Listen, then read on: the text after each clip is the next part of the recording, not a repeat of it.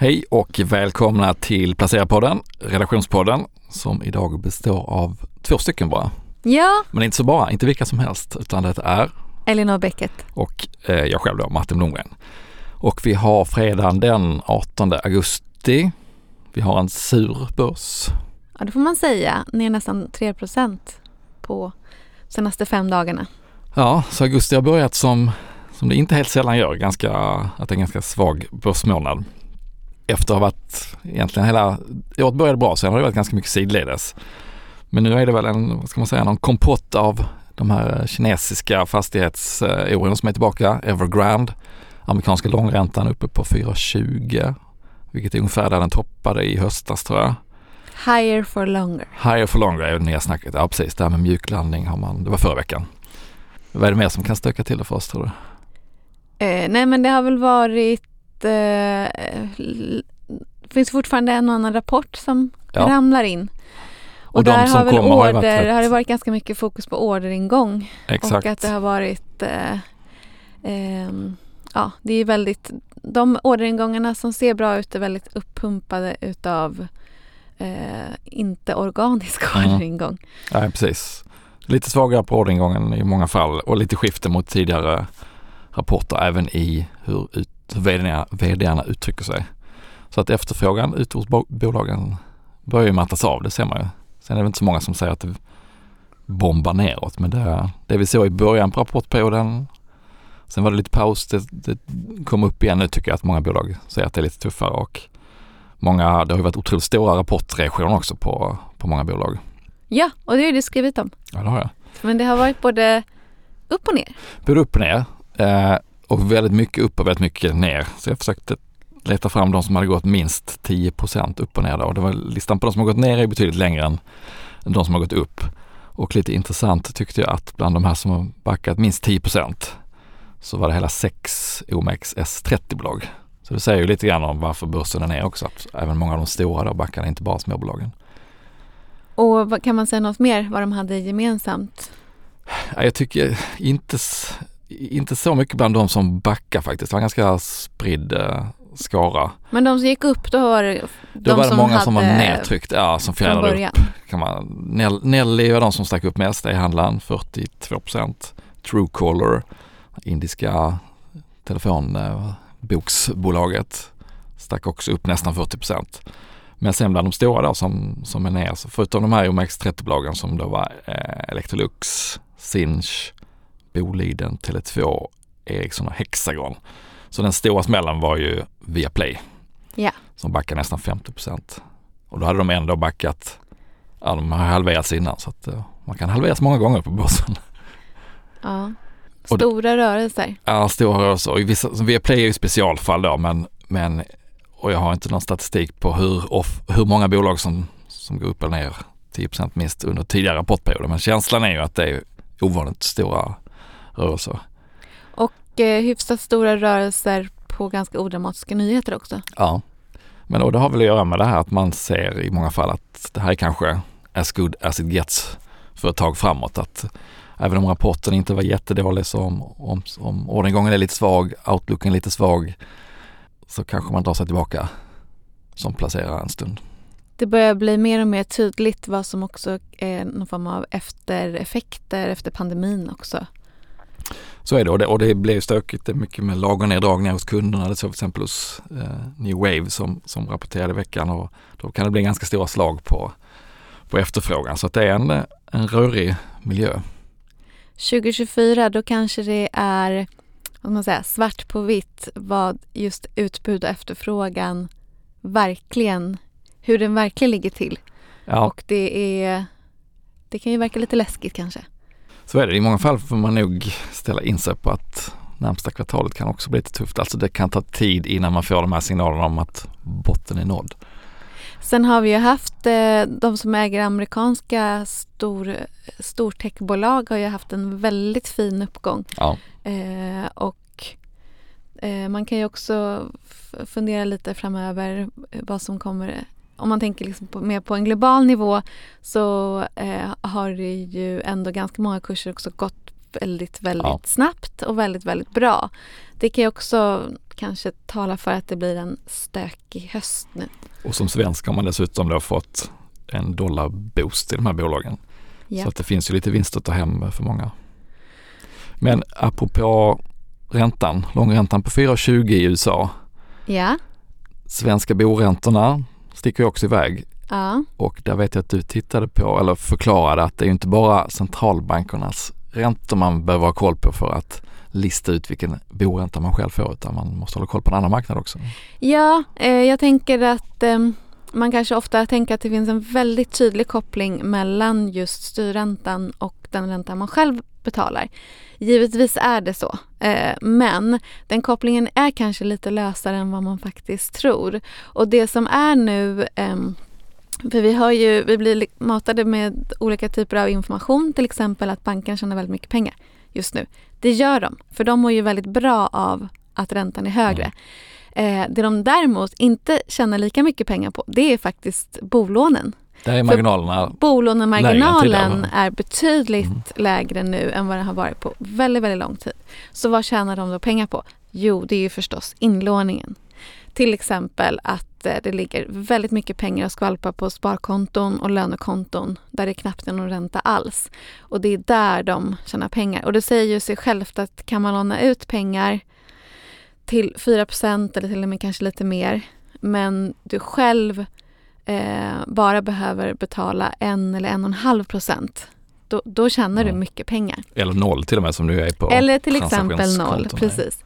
Så, ehm, och då handlar det fram, det är framförallt storbankerna då. Eh, andra eh, bolåneinstitut, eh, de eh, har ju inte lika mycket inlåning och när de, när de ska erbjuda sina sparkonton så måste ju de ju vara lite mer konkurrensmässiga. Mm. Så vad kan man ta med sig av det då som eh, en vanlig, eh, vanlig sparare? Jo, eh, se till att inte ha så mycket kontanter på de här vanliga sparkontona utan ränta.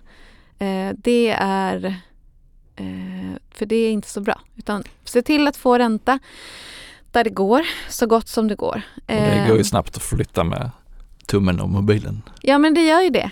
Eh, så det kan man ju tänka på. Men det som jag också tänker att det är intressant hur den här marknaden fungerar och det är ju att en, beroende på då om, det, om du heter Handelsbanken eller om du eh, heter eh, Svensk Hypoteksbank eller något liknande så finansierar du ju eh, dina lån på olika sätt. Eh, som till exempel SBAB som jag pratade med i den här artikeln som jag har skrivit så har ju de, måste de finansiera sig till väldigt stor del genom att själva ge ut obligationer.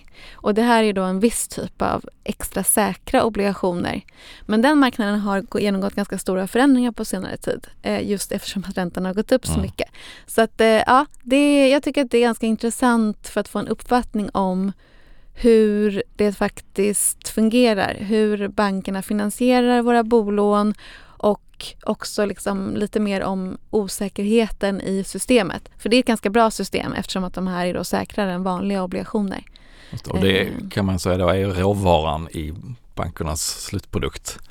Ja precis, för att det finns, bankerna har inte tillräckligt mycket inlånat kapital för att kunna, utan man måste ju använda sig av de här obligationerna eh, för att kunna finansiera eh, lånen. Mm. Men, och de har ju bara, den här marknaden har bara vuxit och vuxit och vuxit och vuxit eh, under väldigt lång tid. Men nu för första gången på väldigt lång tid så minskar ju vi faktiskt våra lån. Vi amorterar extra mycket och vi tar inte lika stora lån. Bostadsmarknaden har gått ner lite och då eh, så stagnerar ju den här marknaden lite.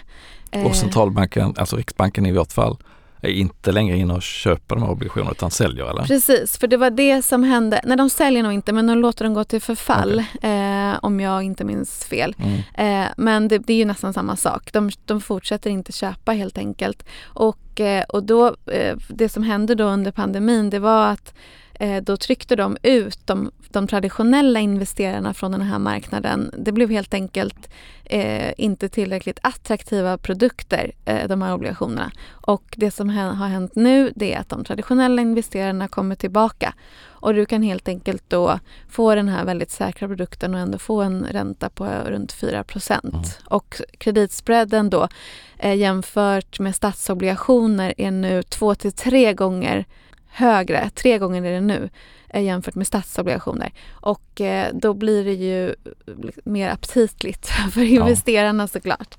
Eh, och baksidan av det myntet är att vi betalar mer i eller att vår boränta ja, är högre. Ja precis, det, det, är ju det. För då kostar det ju mer för, för bankerna att, att finansiera sina lån genom de här obligationerna.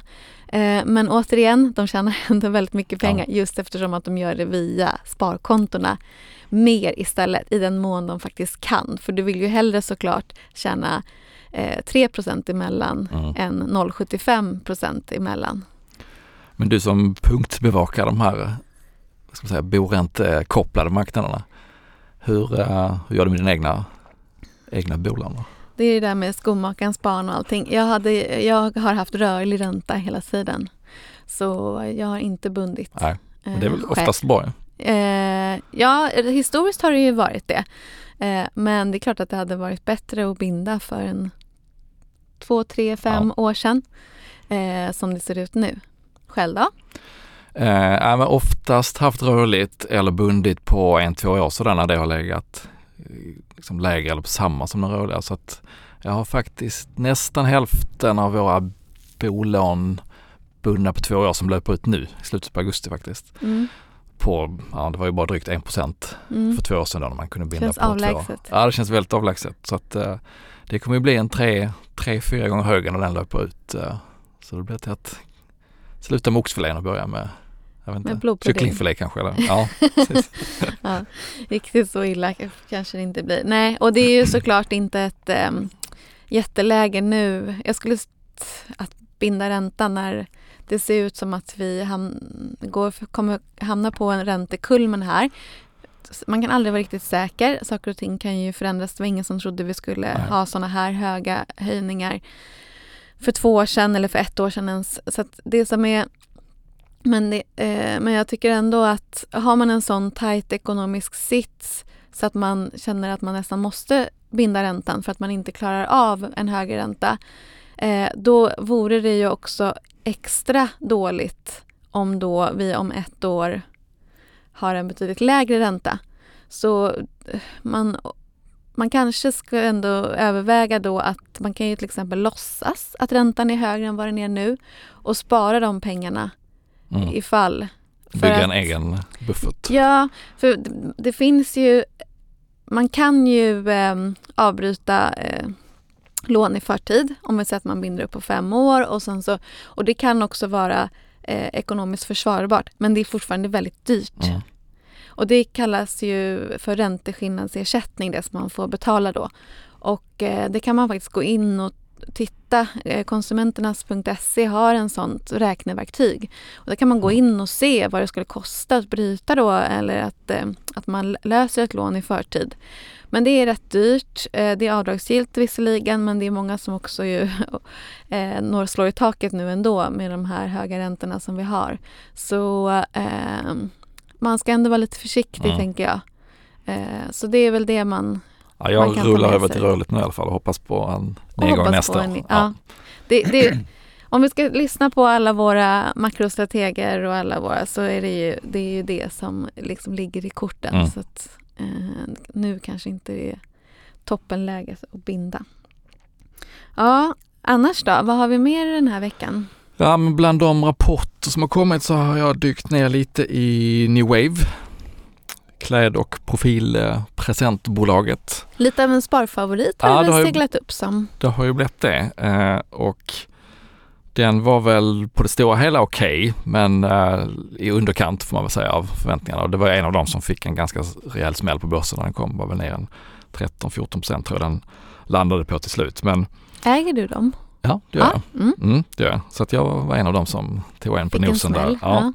Men eh, dels var marginalen lite svagare än väntat, även om den i historiskt perspektiv var ganska bra. 15,8 procent. De har ett mål på 15 procent som de aldrig varit i närheten av de sista 10-15 åren innan pandemin och innan man fick fart på det här Craft som är deras, ett av deras trumfkort, varumärket. Eh, så att nu har de legat en bit över 15 procent och att man då går ner mot 15 blir plötsligt en, en negativ faktor istället för en positiv som det var tidigare. Så lite svagare marginal i kombination då med att vdn Torsten Jansson pratar om att det blir en två, tre utmanande kvartal framåt. Att det här kvartalet som han rapporterade var lite svagare än vad han själv hade trott. Det gjorde ju då att många blev lite försiktiga och som du är inne på, småsparfavorit, många har hoppat på det här under senaste ett, två åren eftersom det har gått så väldigt bra. Var, eh, hur var värderingen innan då om man säger? Ja men det var ju låg, den var ju låg redan innan och eh, nu drar väl, dras väl prognoserna ner lite så jag skulle säga att den är nog ganska liknande innan, innan som efter om man, om man drar ner prognoserna i ungefär så mycket som kursen gick ner kanske ja. för detta och nästa år. Men, en rimlig ja. kursnedgång då eller? Eller är det ja, lite för stor tycker jag ja. om man eh, lyfter blicken lite grann. Ja på mina små kalkyler så hamnar jag på ett P-tal på 9 ungefär och 8 nästa år. Och det eh, speglar väl då att man kommer vara i en fas nu där vinsten på sista raden inte stiger längre. För att även om marginalen planar ut strax över 15 procent, omsättningen går ner lite grann, så har man då höga räntekostnader så att eh, eh, vinsten på aktier kommer att förmodligen att gå ner lite grann de närmsta 12 månaderna. Eh, och då brukar aktier ha ganska svårt att stiga när man är i en fallande vinsttrend. Men jag tror att det här är tillfälligt. Eh, de har, står mycket, mycket bredare idag än vad de gjorde tidigare. Bland annat med Craft då. Man gjorde ett förvärv av Tenson, varumärket, ganska nyligen. Eh, så man hoppas då kunna göra om den här Crafts resan fast i en annan del av outdoor-segmentet. Marginalen som sagt är på en högre nivå än vad den varit historiskt och tror man inte att den ska falla igenom ner mot 10-12 igen så tycker jag de är alldeles för lågt värderade. Men som sagt, om, om vdn säger att det är utmanande två, tre kvartal, ja då kanske det inte vänder nästa kvartal. Så att man måste väl ha kanske en minst sex månaders horisont om man ska köpa aktier nu. Men har man sex månader eller mer i perspektiv så tror jag absolut att det är köpläge. Så jag kommer sitta kvar med mina i alla fall. Mm. Intressant. Sen, och sen har jag faktiskt tittat på ett annat bolag som inte har rapporterat än, som ligger riktigt sent ute här. Eh, Scandi Standard. Ja, de är alltid... Ja, vad får du för känsla när jag säger det? jag tänker på fågelinfluensa och ständigt, um, ständiga problem. Ständigt ja. någonting som alltid tynger ner. Den här gången, det är lite som att Billerud alltid har någon brand i någon. Ja, det kan man väl säga. Precis, Mat, matbranschens Billerud kanske. ja, men det är ju kyckling, Nordens största kycklingproducent. Eh, och som du är inne på, de har kommit med massor med besvikelser genom åren. Och är det inte egna besvikelser i produktionen så är det fågelinfluensa eller något annat som ställer till det. Så att det, jag tittade hur, vilka fonder som äger dem nu och tidigare. Och de flesta stora svenska fondbolagen är liksom inte med i listan längre utan många har kastat in handduken för att det för ett tag var det ju en riktig fondfavorit. Det var nästan en liten ESG-grej. Ja. nu ska vi sluta äta nötkött och äta kyckling istället. Och den känns ganska avlägsen mm. nu. Ja, den, precis. Har man sålt in den till sina kunder då som fondförvaltare eller analytiker några gånger och åkt på smäll efter smäll så tröttnar man väl på det. Så det är väl en del i att, att eh, den är lite övergiven. Men i grunden så stämmer det ju naturligtvis, eller naturligtvis, men det stämmer ju att uh, det är mindre det är bättre för miljön i förhållande till rött kött. Det är eh, bättre för hälsan än, rött kött. Eh, det är accepterat av alla religioner. Så att det finns ju en, en strukturell eh, underliggande tillväxt som skulle kunna vara större här än på andra delar av eh, livsmedels eller proteinlivsmedelsdelen. Men som sagt, den, den är lite svårare att sälja in efter alla de här besvikelserna. Men jag Ge mig inte. för att eh, jag tycker det är ett lite intressant läge nu inför den här rapporten. Du har eh, Öresund är största ägare, men det finns även ett portugisis, en portugisisk ägare som heter Group Luciaves med reservation för uttalet, som har eh, nästan 10 och som har legat och köpt aktier här inför rapporten. Eh, det är ju 30 dagar före rapport som, man inte, som det är handelsförbud, men de har legat och köpt in i juli. Det här pratar vi om i en podd häromveckan konstigt att man får göra så för kvartalet är redan slut, men det har de i alla fall gjort och det brukar ju, det kan ju vara en signal om att de åtminstone inte har fått eh, några nya problem. Så det är lite intressant och så tycker jag att det är intressant att de i Danmark som är det stora, det är där det blöder. Får de ordning på Danmark så kommer vinsten att sticka iväg ganska ordentligt. Och där har de backat lite där från en strategi de har haft tidigare att man skulle gå mer mot ekokycklingar och långsamt växande kycklingar. Men ja, kunderna är helt enkelt inte beredda att betala mer för det. Så att det, har inte blivit, det har inte blivit så bra som de hoppades. Så de backar lite på det nu och eh, försöker få, få ordning på lönsamheten genom att lite grann gå tillbaka till tidigare modell. Eh, så skulle de lösa upp Danmark så skulle det kunna finnas en ganska bra potential att överraska positivt tror jag. Men det här är, det här är ju inte för de, eh, inte för kycklingar så att säga, inte för de fega utan köpa innan rapporten är ju alltid riskfyllt och i det här fallet är det som, som vi har sett då i, i just den artikeln apropå reaktioner Exakt. på ganska hårt pressade aktier innan också. Precis, men gillar man, gillar man stryk på säga så kanske det är, så kanske man ska chansa på den här innan rapporten och gör man inte det så väntar man och ser. Men, men då är det en nedtryckt värdering i dagsläget då? Ja, det ligger väl på PE 11 tror jag det är nästa år på de få analytiker som följer den och då då är det ju ingen där som vågar ta ut någon jättevändning i Danmark i förskott utan eh, det är ganska låga förväntningar. Det kan ju ibland vara nyckeln till lycka. Ja, ja spännande. När var rapporten då du? Eh, nästa vecka, minns inte exakt dag, 23 tror jag. Ja. Vad skulle det bli? Onsdag va? Uh, ja. ja. Ja. Ska inte ta gift på det men jag tror det är onsdag nästa vecka. Ja, spännande. Jag har ju kikat eh, i och med att jag eh, har hand om privatekonomiska bevakningen. Det går inte att komma ifrån att inflation och, och ränta påverkar ju så väldigt mycket. Och givetvis även då förstås ISK, alltså investeringssparkontot och skatten på den. Mm. Eh, och vi har ju under väldigt lång tid, eh, och det är alltid någon som, som tycker, protesterar och inte tycker att vi har haft låg skatt, men man får ändå säga att det har varit väldigt låg skatt på eh, värdepapper i, i och med att man, om, om, man nu sparar på kapitalförsäkring eller ISK. Eh, I och med att den är ju kopplad till statslåneräntan. Mm. Statslåneräntan är numera betydligt högre. Och det betyder att även skatten på ISK kommer att bli högre. Den kommer till och med att bli nästa år att bli högre än vad den varit hittills. Det infördes 2012 så ISK har ju inte funnits så jättelänge. Eh, och då kan man ju fråga sig är det fortfarande värt då att mm. ha sina fonder, aktier och så vidare på ISK? Eller ska man fundera på att kanske ha det på en vanlig depå? Och då är ju det enkla svaret, det beror på, vilket det ju nästan alltid är. Men har man en diversifierad aktieportfölj eller aktiefonder. Då har man ju, det har man ju för att man har en förväntad avkastning om åtminstone den historiska avkastningen och den är, låt säga 7-8 procent.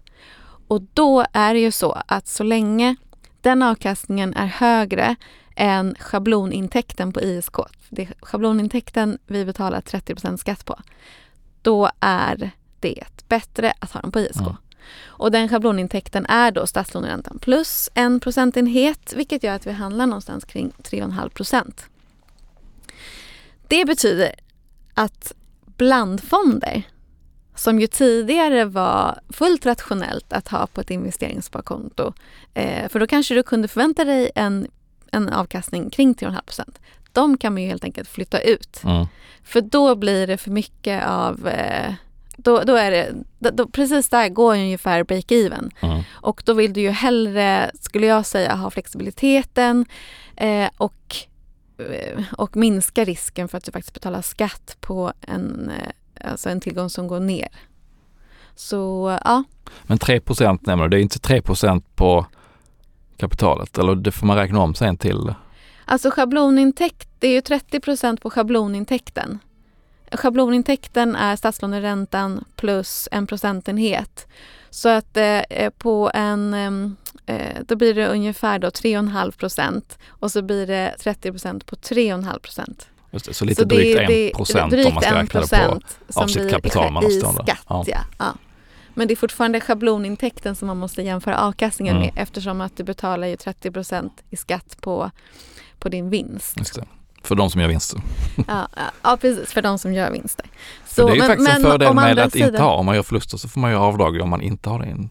Exakt. ISK. Men å andra sidan om du förväntar dig att göra förlust då ska du ju nästan du inte hem? ha den typen av tillgångar Nej. alls. Så att man hamnar ändå i någon form av så cirkelresonemang. Såklart också att det finns en viss flexibilitet, flexibilitet att kunna göra de här eh, kvittningarna och sådär. Men då tänker jag att då har man en nästan hyfsad eh, komplicerad eh, ekonomi. Mm. Eh, men om man är en, en ganska normal sparare som har aktiefonder och aktier, ja men då ska du ha kvar ditt ISK. Det är ändå så pass eh, bra. Ja. Och jag fick, det är roligt för man vet aldrig innan vilka, eh, vilka ämnen som engagerar läsarna. Men det fick jag väldigt mycket mejl och det var nog många som eh, sa det här med att ja, ja, men i och med att du inte betalar skatt hela tiden på din depå Mhm. så bygger du upp en ränta på ränta effekt. Alltså att kapitalet som ju, alltså eh, som kan förräntas blir, blir mindre. Men nej, det är fortfarande, eh, det är fortfarande, lö- lönar sig fortfarande med Mm. ISK. Eh, kan jag säga då. Och sen får man inte glömma energin man sparar på att slippa deklarera alla affärer. Det är ju värt en del Det är Om man gör- speciellt om man gör många värt en del om man inte älskar att deklarera. deklarera. Men det gör ju du kanske. Nej, verkligen inte. Ja. Så det var, eh, det, det är någonting man kan eh, fundera på. Ja. Framöver. Och ligga kvar i ISK om man inte Ja, och har liksom så väldigt blir, det har alltid varit dåligt att ha cash Ja. på ISK. Men nu är, har det gått från dåligt till superdåligt. Mm. Så det kan man ju verkligen ta en funderare på. Så att det inte ligger där och skvalpar och bara kostar skatt i onödan. Eh, I övrigt så kan man också tänka på att inte flytta ut och in för mycket i ISK eftersom att det påverkar skatten också. Mm. Speaking of affärer, har du gjort något i den egna lådan? Eh, nej, faktiskt inte. Eh, jag... Eh, ja, nej. Jag Ja. har lite, lite torrt krut vid sidan om. Mm. Så ja, På en ISK eller?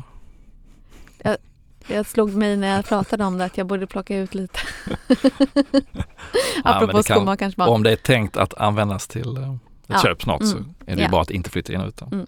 Ja, jag är inte heller så superaktiv sista veckan men jag har gjort ett köp. Jag har köpt lite i teknikkonsulten Afry. Gamla- ah, gamla och varför ångpannor. valde du eh, just dem? Eh, jag tycker att de eh, ser väldigt billiga ut i förhållande till Sweco inte minst då, den stora Ja. konkurrenten. Ligger väl på ett P11, jag tror Sweco ligger upp mot 18-19. Mm. Den är nere kring 140-150 kronor i aktie, alltså aktiekursen där den har Mm. vänt flera gånger tidigare. Ja. Ehm, det är ju lite trög marknad för dem också. Lite Mm. bygg och lite infrastrukturexponering som går sådär. De har väl inte riktigt lyckats med lönsamheten som man hade kunnat hoppas. Men i grunden så är det ganska stabila verksamheter. Det är kapitalsnålt och hygglig utdelning. Så att jag tror att det är en tidsfråga innan den här kommer igen om man kan vänta ut då. Lite som i New Wave, kan man vänta sex månader, nio månader kanske, så tror jag att den kommer stå högre än idag. Så att, eh, Löneinflation, ja. Ja, det är ju dåligt eh, om de inte kan få ut det i prishöjningar då på andra hållet. Men eh, ja, jag tror de kommer att balansera det ändå och att eh, när värderingen på hela börsen någon gång kommer upp igen så kommer de att åka med upp för den här värderingen för att jag tror att det är lite, lite i lägsta laget. Men det är, det är inget supercase skulle jag säga men, eh, men från den här nivån så tycker jag att ja, 20% till kan det gå upp på att börsen är lite piggare. Så att eh, då kan pengarna stå där i brist på bättre alternativ. Mm. Intressant. Men det är det enda. Sen har jag också lite torrt krut i kassan. Tänker att det kan bli lite stökigt som det brukar vara i september, oktober. Och eh, som vi pratade om en del i förra veckans podd om eh, att småbolagen förr eller senare gör comeback så det kan ju bli läge att plocka upp en del. Mm, jag sitter också Småbolag. liksom i lite kanske i startgroparna på att fylla på i de småbolagen som har gått dåligt och eh, eh, kanske lägga till någon, en och annan. Men För de kan ju verkligen falla igenom precis som man har sett på rapportreaktionerna. Om det är en tråkig marknad ett tag så kan de ju verkligen bli billiga om man har lite, lite längre perspektiv på sin placering. Någonstans, jag känner på mig att man kommer sitta där och, bara, om, och ångra sig om man inte gör det nu. Mm. Sen om det är för tidigt eller inte det vet man aldrig men eh, det kan Hellre nog för uppstå bra tidigt lägen. än för sent. Ja. Kanske. ja, men ska vi ta helg eller Ja, vad gör vi. säger du? Det gör vi. Tack för den här gången.